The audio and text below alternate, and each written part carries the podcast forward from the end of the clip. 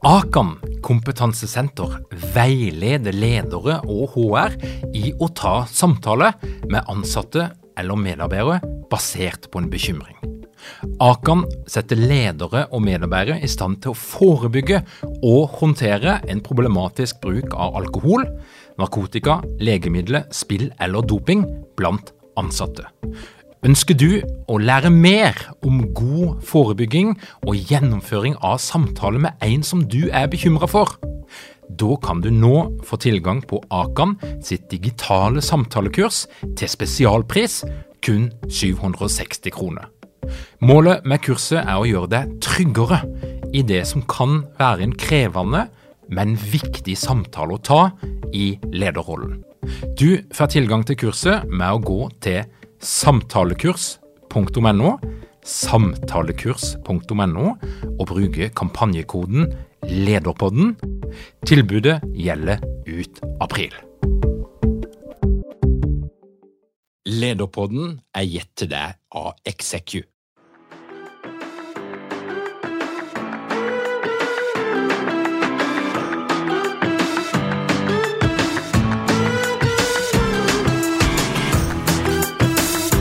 Velkommen til Lederpodden. Mitt navn er Tor Åge Eikerapen. Jeg jobber som organisasjonspsykolog, og dette her er en podkast om ledelse. Hvis du skal rigge et selskap for vekst, og mye struktur trenger du egentlig da? Er det eksempel en god idé å ha en så flat struktur at du kun har én leder med personalansvar når du har vokst til 100 ansatte? Og var Lederpodden egentlig bedre før? Det skal vi finne ut av i dag i en litt annerledes episode. For i dag skal du oppleve en Lederpodden takeover, der jeg blir intervjua, og Øyvind Brekkhus Sandåker og Andreas Taraldsen fra Egderørepodkasten stiller spørsmålene. Intervjuet ble første gang publisert i podkasten Egderøret for noen få uker siden. God lytting! Men først noen ord fra vår sponsor. Hei, mitt navn er Cecilie Ysnes Myhre. Jeg håper jeg ser deg på vårens utgave av Lederprogrammet, der jeg skal undervise om selvledelse. Andreas Haraldsen bak mikrofonen her. Og jeg heter Øyvind Brekkhus Sandaker. Jeg eh, holder på med litt sånn utvikling i Egde. Men uh, i dag så skal vi snakke om noe helt annet. Vi skal tenke vi skal ha en episode som handler for det meste om Dette her er en podkast om ledelse. Og den stemmen er det noe som kan dra kjæresten på. Hva, hva er dette for en karakter? Du, eh, mitt navn er Tor Åge Eikrappen, og jeg jobber som organisasjonspsykolog. Og vi er nå hos Execu i Det Markens. er helt riktig. Nå er du i Kristiansand, i min lille crib her. Med, det er studio, det er kontor, og dette her er liksom hjernen i Execu. Det er helt riktig. Ja. Veldig deilig klang, blant annet. Du har rigga for eh, ganske optimale forhold når det kommer til podkast, for du har jo en ganske grei podkast i, i podverden. Ja, det skal serveres hver eneste uke, og, og ja, jeg er stolt over å, å lage altså den mest hørte podkasten, den u mest hørte ukentlige podkasten om ledelse. For det kommer av og til noen sånn sesongbaserte podkaster som skyter opp på listene, men, men jeg er liksom han som er der hele tida. Ja. Du er han jevne. Det er han jevne, Ja. han med kontinuitet, han som ikke skuffer, han som ikke tar ferie. De, de er alltid de beste til å gå tredje etappe i eh, stafett. ja, de, De som de, alltid jevnt leverer, uavhengig. ja, helt enig. Jeg har jo hatt deg på øret en mang en løpetur. Eh, veldig deilig sånn bakgrunnsmusikk, nesten, når jeg er ute og løper. Og ofte så er det jo fredagsløpeturen når jeg liksom vet nesten hvilke svinger jeg skal ta og sånn. Eh, hvor mye forberedelse gjør du til en podkast? Du, Det som er gøy, er jo at jeg forbereder meg faktisk litt på den samme måten som du, altså den aktiviteten som du driver med nå. Så veldig mye av min forberedelse skjer på løpetur. Eh, Så den mentale forberedelsen den skjer kanskje på løpeturen sånn eh, dagen før det intervjuet jeg skal ha. Eh, nei, som regel litt før. altså For mange gjester, spesielt eh, de som er litt sånn noen, Mange gjester liker å ha litt spørsmål på forhånd og den slags. Men, men, så, så, det sender jeg gjerne på, på, forhånd, og da forbereder jeg meg litt. Men den rent sånn mentale forberedelsen, der jeg liksom prøver å finne hva kan bli det gøye, hva kan bli essensen her, det kan gjerne skje eh, samme dag.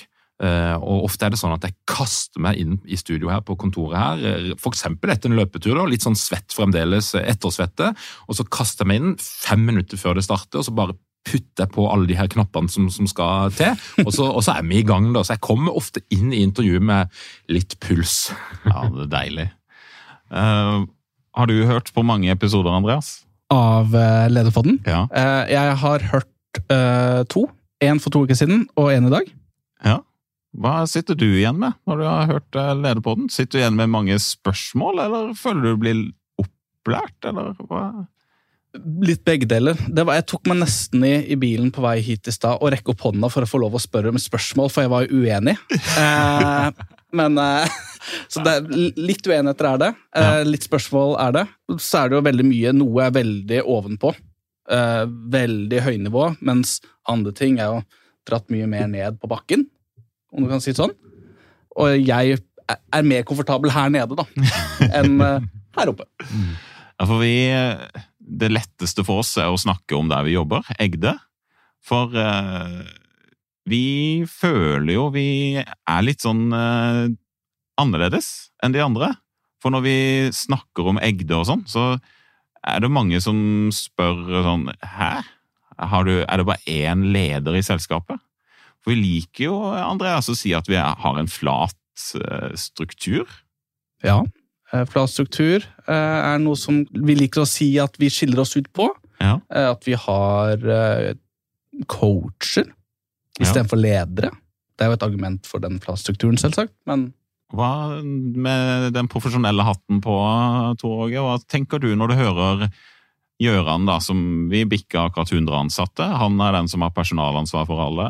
Vi har ingen struktur, sånn ledelse, sånn at du har noen folk under deg. Vi har noen team sånn, som jobber med noen produkter og noe sånt, men eh, sånn, eh, hva, hva, tenker du da, når du hører sånne, sånne greier?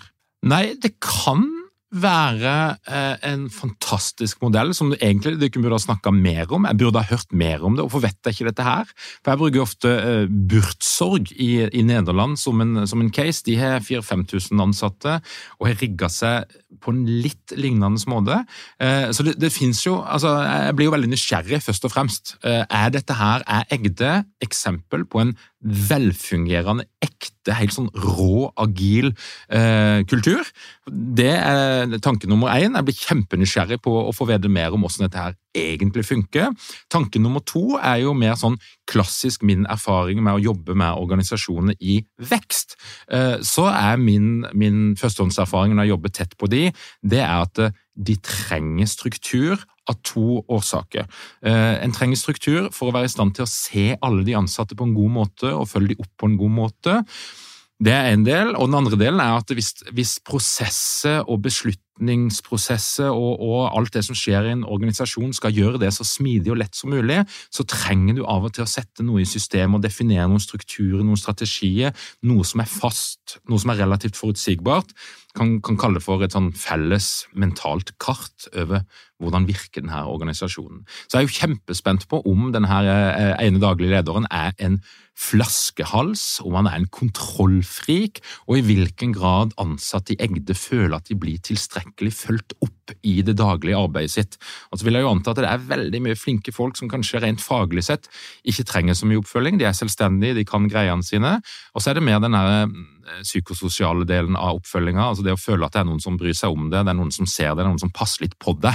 Eh, selv om du er en råflink konsulent med utdannelse til langt eh, over ørene. Så jeg, Når du kan si det, så må jeg iallfall definere at det er kontroversielt. Altså Det å, å bikke 100 ansatte og ha kun én leder med formelt personalansvar jeg vil ofte tenke at det er, der vil det dukke opp noen problemer, det pleier det å gjøre, men, men det kan jo ikke jeg si basert på min lille kjennskap til dykken, så jeg blir først og fremst veldig nysgjerrig. For det er jo det vi Vi tenker jo at vi er unike, Andreas, men eh, det jeg da hører, er at vi faktisk er det. Hører du òg det, Andreas? Det er i hvert fall ordene som ble sagt, og så synes jeg også at du satte litt på spissen i utgangspunktet. Eh, ja, vi har en daglig leder som har ansvar for alle, eh, men så er jo vi en var i utgangspunktet i hvert fall en eh, konsulentbedrift som 100 hele tiden leide ut mennesker, timer. I den delen så har vi jo noe som vi kaller bemanningsleder, altså ansvar for den enkelte, om trives der, om hva er rett oppdrag for den og den og den. Dette er jo da fra starten tidligere. Mm.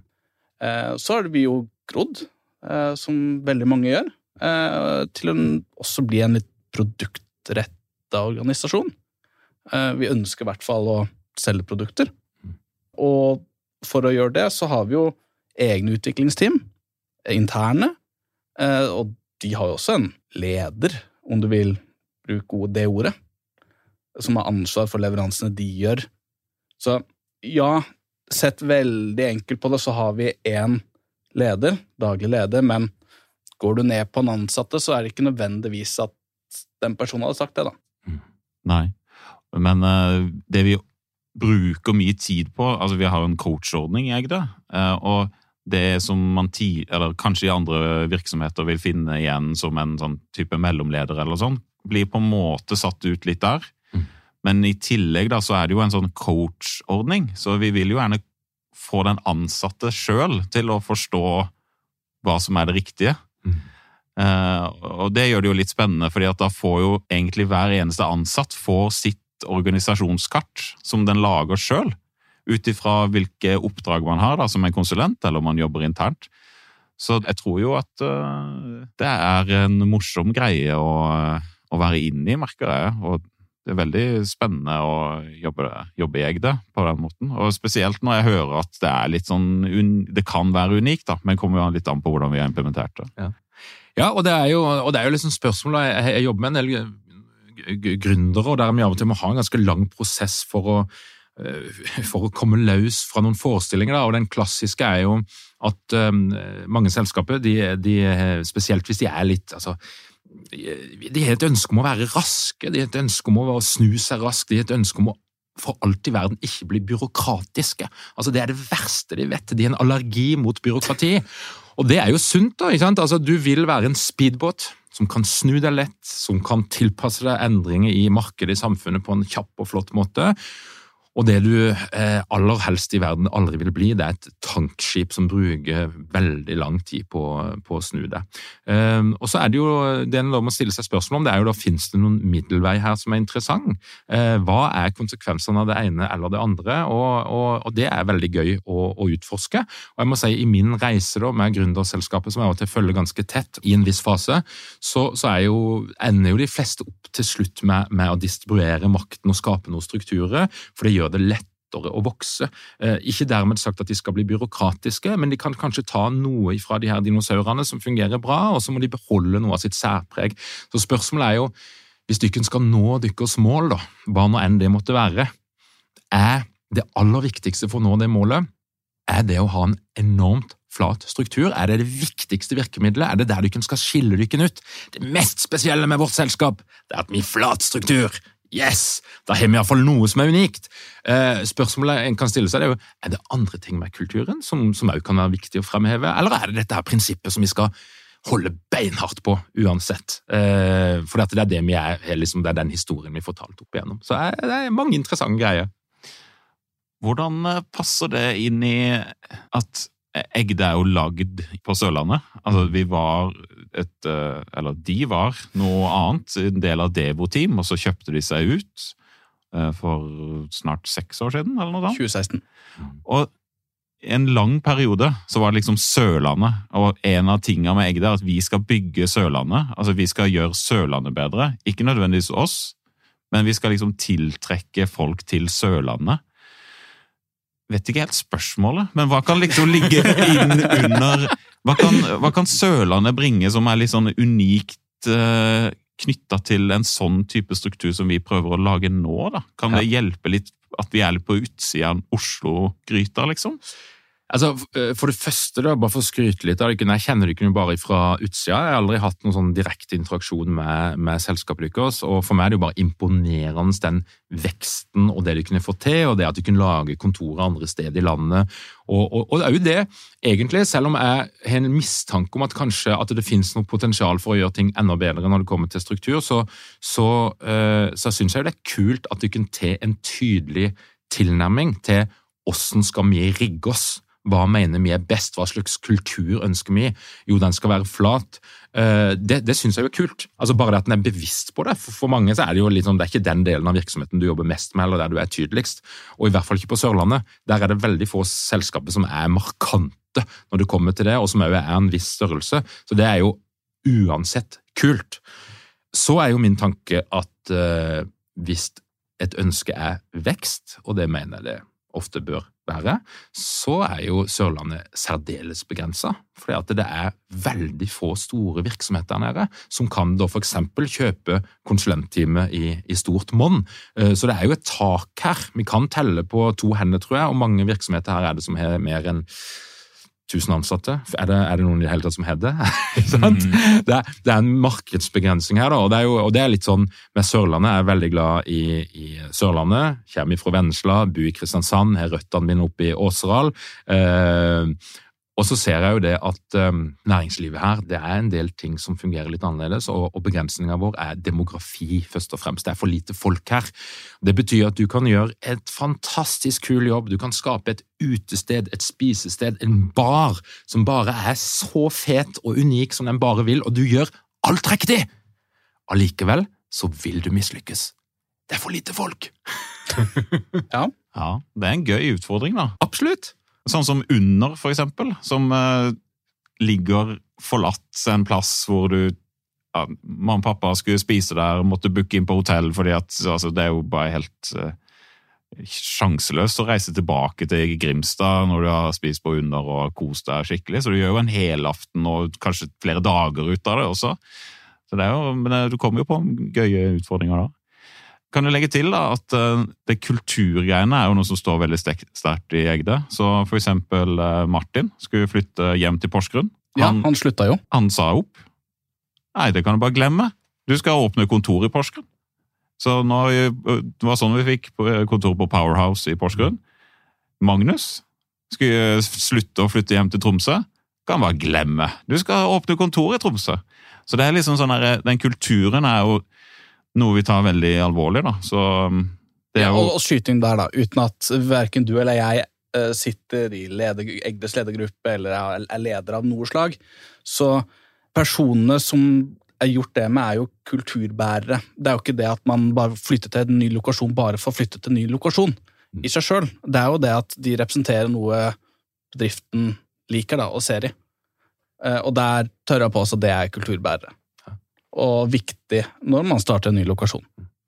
Og da hører jeg jo at det er noen kulturelle særtrekk der. Det er jo autonomi. Jeg hører det er en stor grad av autonomi der, og det er jo en, en god ting som veldig mange flinke folk blir motivert av. Det å ha frihet til å ta egne beslutninger, det å kunne få lov til å starte et eget eh, kontor der du eh, hører hjemme, eh, og at du kan se muligheter. Og bare det at du kunne drive denne podkasten Du skal jo vite det at i eh, en del større etablerte konsulentselskaper så ville jo det vært et helsikes byråkrati for å få lov til å etablere en podkast med navnet. Så på veien til at den beslutninga hadde blitt tatt, så hadde dykken blitt sugd tom for all motivasjon. Eh, og de hadde sannsynligvis hatt et kobbel av diverse rådgivere som var på dykken for å sjekke at det ikke ble sagt noe som kunne oppfattes som skadelig for omdømmet osv. ja, Og der er vi jo nesten motsatt. Ja, nå har vi jo lagt på en måte vår eh, hals på hoggestabben eh, på denne episoden her, så det Ja, men det er jo litt gøy å høre, da. For det er litt sånn Jeg begynte å bli hjernevaska, jeg. For jeg, jeg, jeg jobba i en organisasjon som har kontorer eh, ja, Som alle i Norge, så jobba jeg i en gamblingorganisasjon som hadde blant annet kontor i Kristiansand. Eh, men da var det jo forskjellige plasser i verden. Eh, og den kulturen der, og så få, få den liksom spredd rundt omkring i, på de lokasjonene, var ufattelig vanskelig.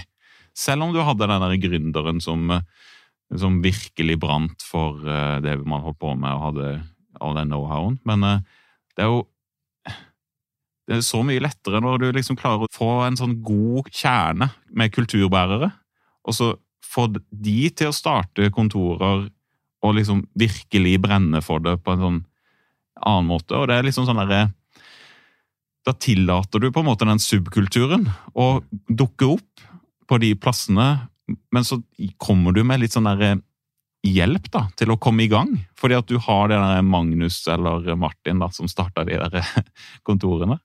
Jeg syns det er veldig behagelig å vite at uh, den lokasjonen vi har starta, ble starta fordi Egde ville det, Mm. med en god kulturbærer. da. Det syns jeg er litt uh, viktig å få fram i den, uh, den ekspansjonen vi prøver på. Ja, og det, jeg tykker det høres ut som du kan gjøre veldig mange ting riktig. Det høres ut som dette er jo virkelig organisk vekst. altså det er Noen som har flyttet et sted. Det er ikke fordi den har bestemt meg, sånn at nå skal vi ta Tromsø.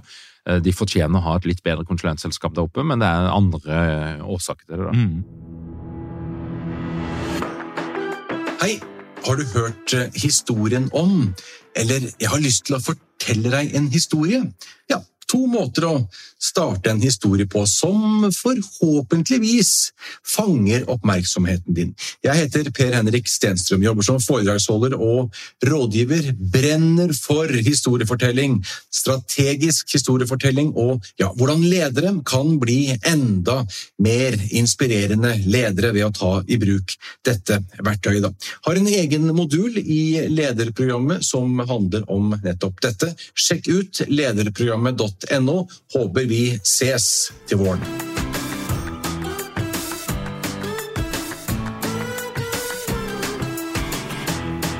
Jeg er jo en sånn der, eh, som liker å ta en løpetur for å tenke gjennom eh, ting og tang som blir sagt. Så mye av det som, eh, som jeg tenker på rundt lederpodden, når jeg hører på den, er jo den der eh, agendasetteren du har for alle virksomheter rundt omkring i Norge. Hvor ofte er det at du liksom dukker opp en plass, og så når du da begynner å snakke med dem, så har de hengt seg opp i et eller annet som er blitt tatt opp i lederpodden, eller eh, eh, sånne ting. Det kjenner jeg jo igjen i Egde, at jeg kan sitte rundt lunsjen, og så er det noen som diskuterer noe, og så hører jeg liksom sånne lederpodden-sitater nesten, som blir tatt opp. Hvor mye, hvor bevisst er du på den slags påvirkningene du har på virksomheter rundt omkring i Norge? Nei, jeg begynner vel å bli kanskje litt mer bevisst enn det jeg har vært. Og det handler kanskje om at podden sprer seg i litt større grad, og, og så videre. Men jeg blir litt, jeg blir litt overraska og smigra hver gang det skjer, da. Uh, og jeg syns jo det er fryktelig hyggelig. Altså, Jeg bruker masse tid på dette her hver uke. Det er, den er relativt reklamefri, den her podden. Det er noe liksom jeg gjør på toppen av alt Det annet. det er Ellen. ja, det er Ellen. Hun er der litt. Og det er jo vår egen, vår egen greie. Har dere mange ledere uten trening eller utdannelse innen ledelse? Mangler dere en felles kultur og praksis for ledelse? Ønsker dere å være bedre rustet for fremtidig vekst og endring? Da kan et internt lederutviklingsprogram være en god investering. I Execu så er vi eksperter på å designe og gjennomføre bedriftsinterne lederutviklingsprogram. Hvis du ønsker å lære mer om hvordan vi kan hjelpe dykken til å få enda bedre ledere, ta og klikk deg inn på execu.no.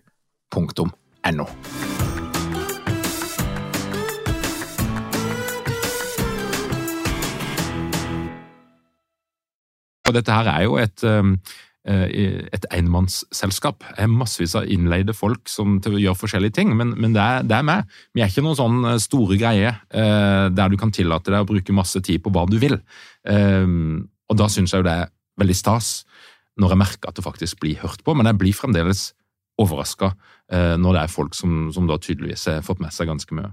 Ja, fordi det er jo litt sånn Jeg kommer jo fra en utviklerbakgrunn, og der er det liksom Jeg føler på et vis, selv om det var Toyota kanskje, som var litt sånn agile og den eh, lean-bevegelsen, så har liksom eh, Elon Musk og alt Silicon Valley med seg eh, har liksom hjulpet det der agile greiene. Så når jeg da hører folk referere til agile diskusjoner som har vært på lederpodden og sånn, så kjenner jeg jo veldig godt til de virksomhetene som blir snakka om der. Mm. Og det er jo liksom sånn der, kan være litt sånn skummelt noen ganger når da det blir snakka om som om det er veldig behagelig, og sånn gjør vi det her, og sånn. Og så glemmer folk nesten, kanskje gjestene kanskje glemmer det noen ganger, at ja, men de som hører på nå, kan ta det her for virkelig god fisk. Det tenker jeg kan være litt sånn skummelt. Hører du det, kjære lytter? Ja, jeg, du har et kjempegodt poeng, da. Og eh, jeg prøver jo å være litt kritisk, og prøver å liksom få fram hva er det som gjenger galt. da. Eh, og de fleste byr jo litt på det. Eh, og så er det jo klart at noen som jeg snakker med, kanskje typisk ledere, de er jo, noen ledere er litt sånn trent på å, å vise bare det som gjenger bra, og de har kanskje blitt tydelig rådgitt og fått et skript og noe greier på at det er, liksom, det er der vi skal holde oss. Mm. Og Hvis det da ikke er noe motstridende informasjon, så, så, så er det greit, så må det bli sånn. da.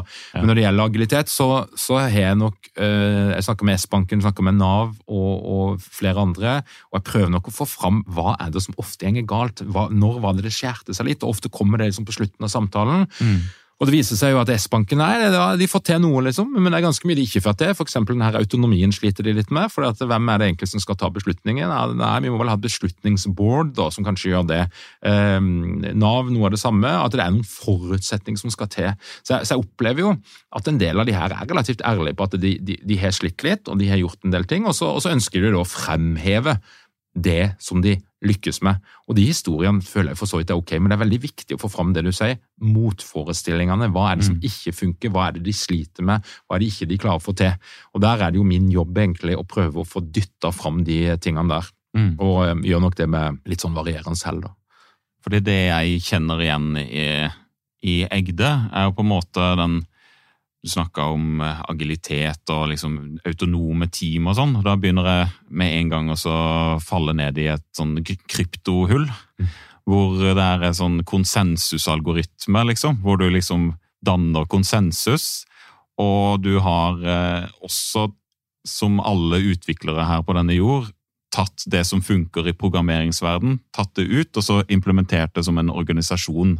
Så den konsensusalgoritmegreiene har jo blitt til da en DAO, Decentralized Autonomous Organization, som skal lage sin egen konsensus, ikke i programmeringsverden, men en, eh, men en organisasjon da, hvor du egentlig ikke kjenner noen andre, men du har en valuta da, i form av krypto til å gjøre dette.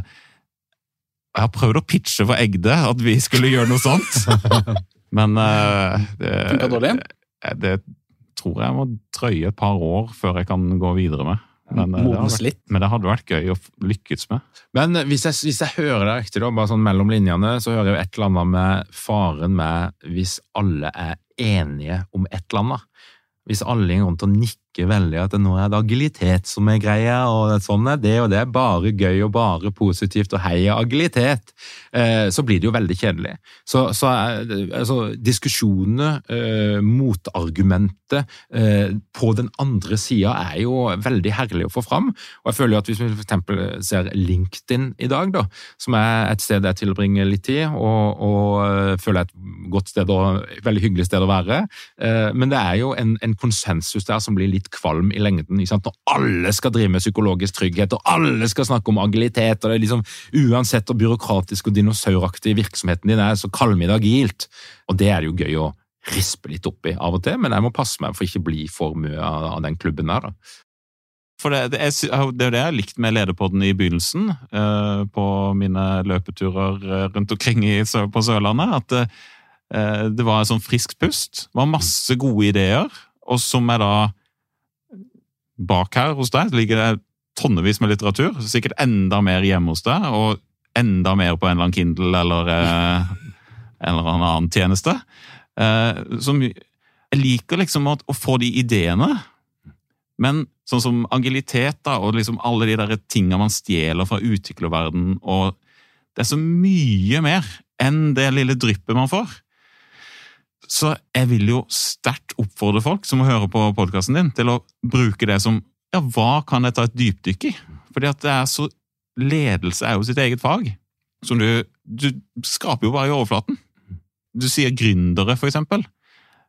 Hvor alvorlig tar de ledelse, syns du? Er det ofte at du kommer der med liksom eh, som en ambulansetjeneste, eller er det, bare litt coaching, og så er de på rett vei? Eller hvordan er liksom de derre gründerne som har mest fokus på vekst og oppkjøp, eller et eller annet sånt? Hvordan Ja, nei, de er, de er, jo veldig forskjellige, men eh, det som kjennetegner de fleste gründere som jeg omgås, det er jo at de er ikke, det er ikke den delen de er interessert i. Det er ikke derfor de holder på med det de holder på med. De har en lidenskap til produkter de holder på med, de har en lidenskap kanskje til vekster, som, noen, eh, som mange har, og det er der de putter det ned. da. Og så hender det jo at noen da kommer til et punkt der en del ting begynner å bli litt vanskelig, eh, og de spør seg sjøl Ok, vi er klart å vokse opp til x antall millioner i, i, omsetning, et par hundre millioner kanskje. Er det den samme oppskriften som skal ta oss til en milliard? Eller trengs det noe annet? Og når den følelsen blir sterk nok, og du famler nok og føler at dette her finner vi ikke helt ut av, da hender det at jeg får en telefon. Eh, men da er det ikke snakk om noe coaching. Da er det snakk om å sette seg ned og ha en prosess som går over ganske lang tid. fordi at eh, en del av de gründerne må snu litt på måten de tenker på rundt noen ting. Og endring av oppfattelse og måte å tenke og jobbe på, det krever tid. Så det er ikke noe quick fix. Det er ingenting av det jeg driver med som er quick fix, og derfor så er jo podkasten på en måte en smakebit på det jeg holder på med, men når jeg virkelig jobber med selskapet, så er jeg inne og jobber med det ganske tett over lang tid. Eh, og det er da du virkelig gjør en endring. Så når jeg driver og, og altså, drive med podkast eller holde et foredrag en workshop, det er greit nok, det, men hvis du skal endre en organisasjons måte å fungere på, så krever det noe litt mer. da. Ja.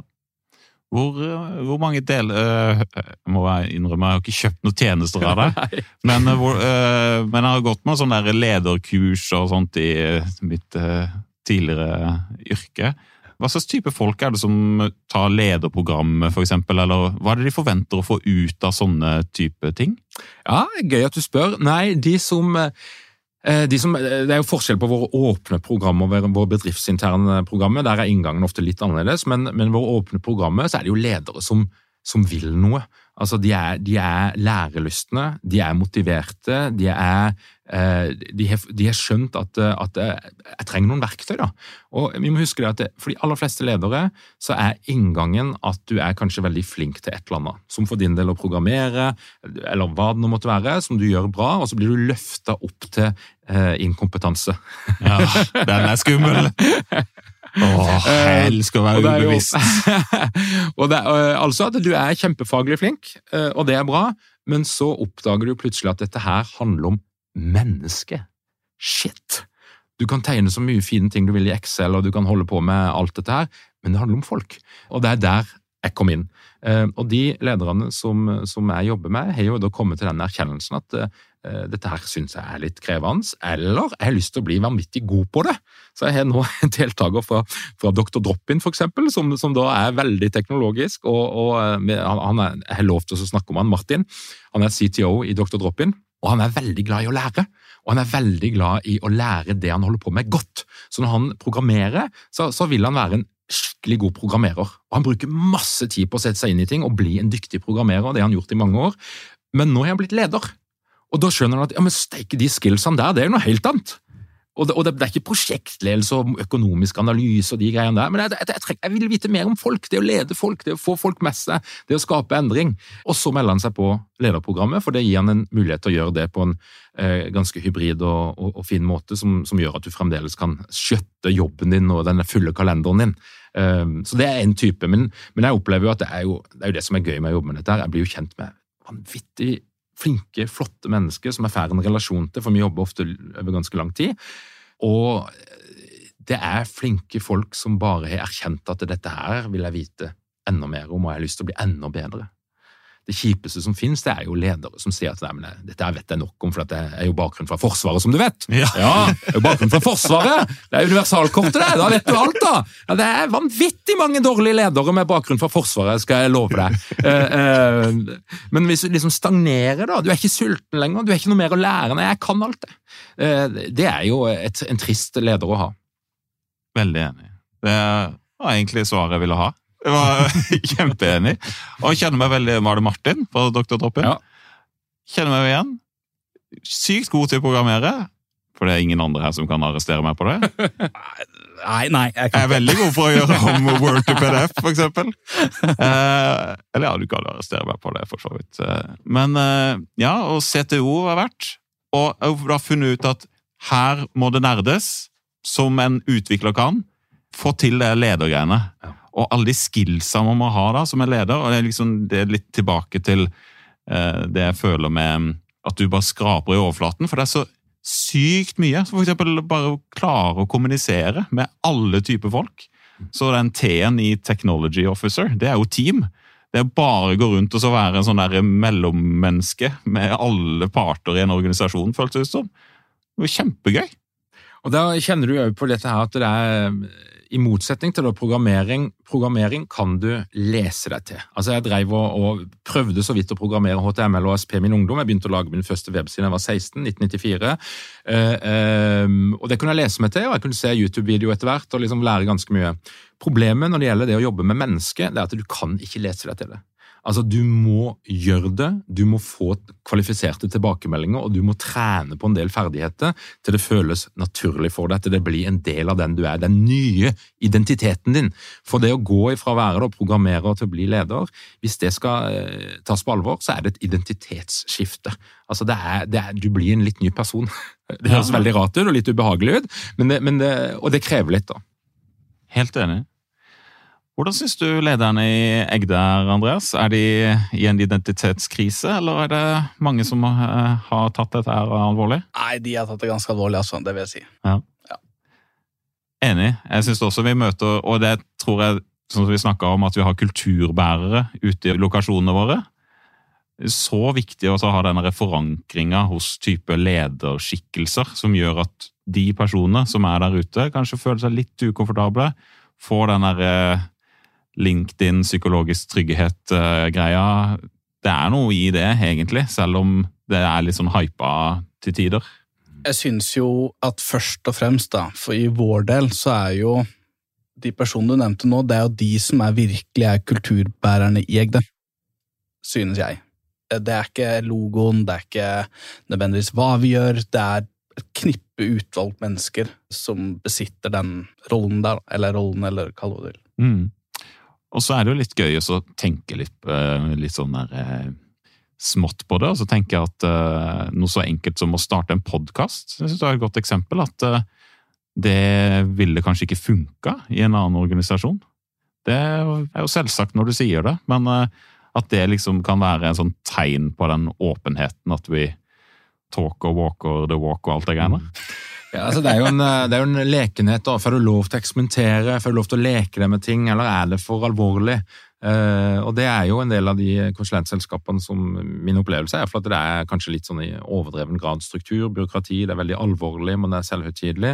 Kan være god grunn til det. Hvis du er børsnotert, eksempel, så, er, så gir det noen helt andre rammer for hvordan du kan jobbe. Hvis du har en eller annen private equity-eier, så gir det jo noe greier. Sant? Så det er, det, er noen, det, er, ikke så lett alltid. Mange, mange hjul i sving. Ja. Ja, og sånn som jeg som utviklerhode liker jo å teste ut litt sånn greier, og for eksempel kjøre et sånn side-prosjekt på en podkast er jo bare like naturlig som å kjøre en liten proof of concept på en eller annen ting som jeg utvikler. Så jeg tenker jo hele tida sånn Hvordan kan vi kontinuerlig forbedre det her og gjøre det bedre og bedre? Og for eksempel Hege som har sine tanker om podkasten, men så begynner jo Andreas og meg for eksempel, å få et ekstremt eierskap til det. Merker det, merker det. Og kommer, og kommer med våre ideer til en person som akkurat har starta i selskapet, og så si ja, uh, culture eat strategy for breakfast, så vår kultur her tillater ikke den strategien du sier her nå om podkasten. Den skal være low-key og det ene. Det et godt bilde, syns ja. jeg. I hvert fall i hodet mitt.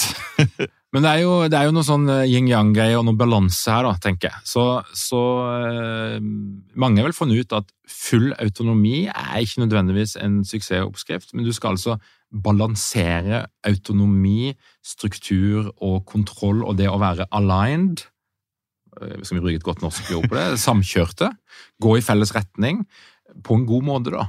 Uh, og det er, det er, jo der er å eksperimentere, og der tenker liksom en må teste ut, og alle må finne sin måte å gjøre det på, men, men, men er, autonomien er jo fantastisk å høre ut som dykken har raust med autonomi, som jo er veldig attraktivt for veldig mange. Uh, og så er det jo spørsmålet da, kan denne her skuta bli enda mer velsmørt og, og god uh, gjennom da, å ha noen elementer som kanskje er noe, noe litt annet. Mm.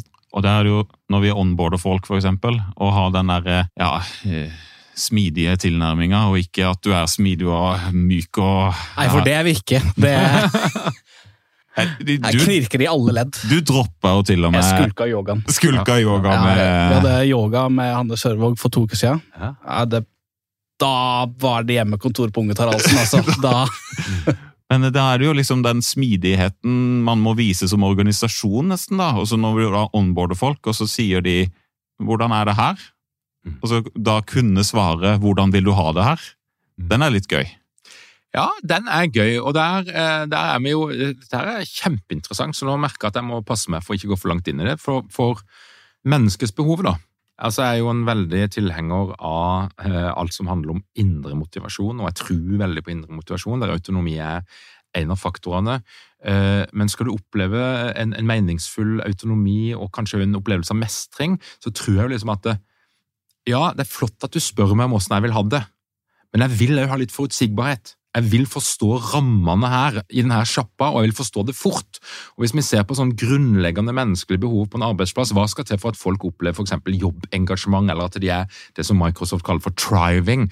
Jo, det må være noe tydelighet i tillegg. Jeg kan ikke bare ha autonomi, at alt er opp til meg, og nå skal jeg lage mitt eget organisasjon til at jeg kan finne ut av alt sjøl. For, for sånn er det jo ikke. Altså, det, det finnes en grense for hvor mye jeg kan drive på med på egen hånd. Men hvis jeg skal skjønne ting, så trenger jeg en, en tydelighet. Hva er forventa av meg, hva er greia, og i hvilke rom er det jeg kan bestemme sjøl. Men, men, men hvis alt av mine spørsmål blir møtt med ja, hva syns du da? Hva tenker du da? Ja, hva, og hvis du skulle velge da, hvordan ville du hatt det? Så blir det i lengden jævlig irriterende. Jeg er helt enig. det, er, det er tungvint, i hvert fall. Ja. I så fall bør man da kanskje i utgangspunktet selv bare selv få mandat til å gjøre hva rakkeren du da vil, istedenfor å få det spørsmålet slengt i trynet hver gang. Ja, For når, eh, jeg er jo fadder for noen av de som starter i Egde, og eh, når vi da har gått et halvt år, og jeg snakker med dem igjen Hvordan var det egentlig? Nei, det var jo, ble jo bra til slutt. Men det er litt, jeg tenker, vi ansetter jo mange rett fra eh, skolen, og det må være helt forferdelig. Jeg, jeg kaller jo ofte de stakkars nyutdanna, fordi at de kommer der, og så Du kan gjøre hva du vil. Ah! Jeg tror de møter sånn derre Søren. Det var Ja. ikke det jeg trengte nå. Og det, ja, det, Det er liksom du endelig, når du var liten, fikk lov til å liksom, ah, velge hva du vil i smågodtgreia. Jeg vet ikke. Jeg, har ikke- jeg, har ikke, jeg vet ikke hva jeg har lyst på. Er det sjokolade? Lakris? Jeg, jeg vet ikke. Kan ikke blande det. Må velge en av de. Og der er vi forskjellige, men altså, vi skal være klar over at det å ha veldig mange valg å forholde seg til er kognitivt krevende. Det er emosjonelt krevende. Så det å starte en ny jobb er i seg selv veldig veldig krevende. Så det er uoversiktlig uansett hvilken bedrift du starter i. Men hvis du da i tillegg ser at her er alt veldig åpent, og det er liksom ingen sted å, å få tak på rammene rundt denne jobben, så tenker jeg nok at liksom, det, er ikke, det er ikke sikkert den hjelper folk. da. Ehm, så, så det å ha tydelighet på at det finnes noe område her der du kan bestemme enormt mye, og så er det noen ting, noen rammer som er etablert. Hvis jeg skal bare tenke på hjernen vår, hvordan den funker, så fungerer hjernen optimalt i omgivelser der det er visse etablerte rammer. Eh, og så er folk veldig ulike, så noen elsker autonomi og, og, og, er liksom klar for å ta det, mens det finnes ganske mange mennesker som ønsker ramme, tydelighet, hva forventer du av meg her, og så skal vi ta det derifra. Så det er jo et spørsmål. Hva, altså, Greien i god nok grad å ivareta ulike typer folk? Mm. Setter jo litt på spissen da med at det er litt fritt og sånn. Ja, det er Eh, ikke sånn, det er masse så- regler. Renate har jo god kontroll på den onboardinga av folk, men eh, det er nok eh, ja, i hvert fall friere enn noen andre plasser. Og så er det kanskje for vår del nå da, enda mer kritisk nå, nå som vi har blitt så mange. For for 50 mennesker siden så var det kanskje ikke like nødvendig å ha de rammene, for alt var så nært uansett. Eh, Mens nå så er det jo det er jo topplasse. Man trenger kanskje litt flere rammer for å holde den samme fleksibiliteten. Veldig bra. Tusen takk for at vi kom med. Hvis du ønsker å holde deg oppdatert på alt som skjer i vårt lederunivers, da kan du gå inn på lederpodden.no. Du kan trykke på den rette knappen, legge igjen din e-post, og du vil få vårt ferske nyhetsbrev i din innboks hver eneste fredag. Og hvis du har lyst til å lære mer, utvikle deg, ta et steg som leder denne våren, så har du en mulighet, og det er å bli med på Lederprogrammet, vårt tolv ukers hybride lederutviklingsprogram der du møter noen av landets fremste eksperter innen psykologi og ledelse. Det er kun 25 plasser, og mange av de er allerede tatt, så hvis du har lyst til å melde deg på, så bør du gjøre det ganske så snart, og du gjør det på lederprogrammet.no. Takk for at du hører på Lederpodden. Vi høres igjen om ei uke.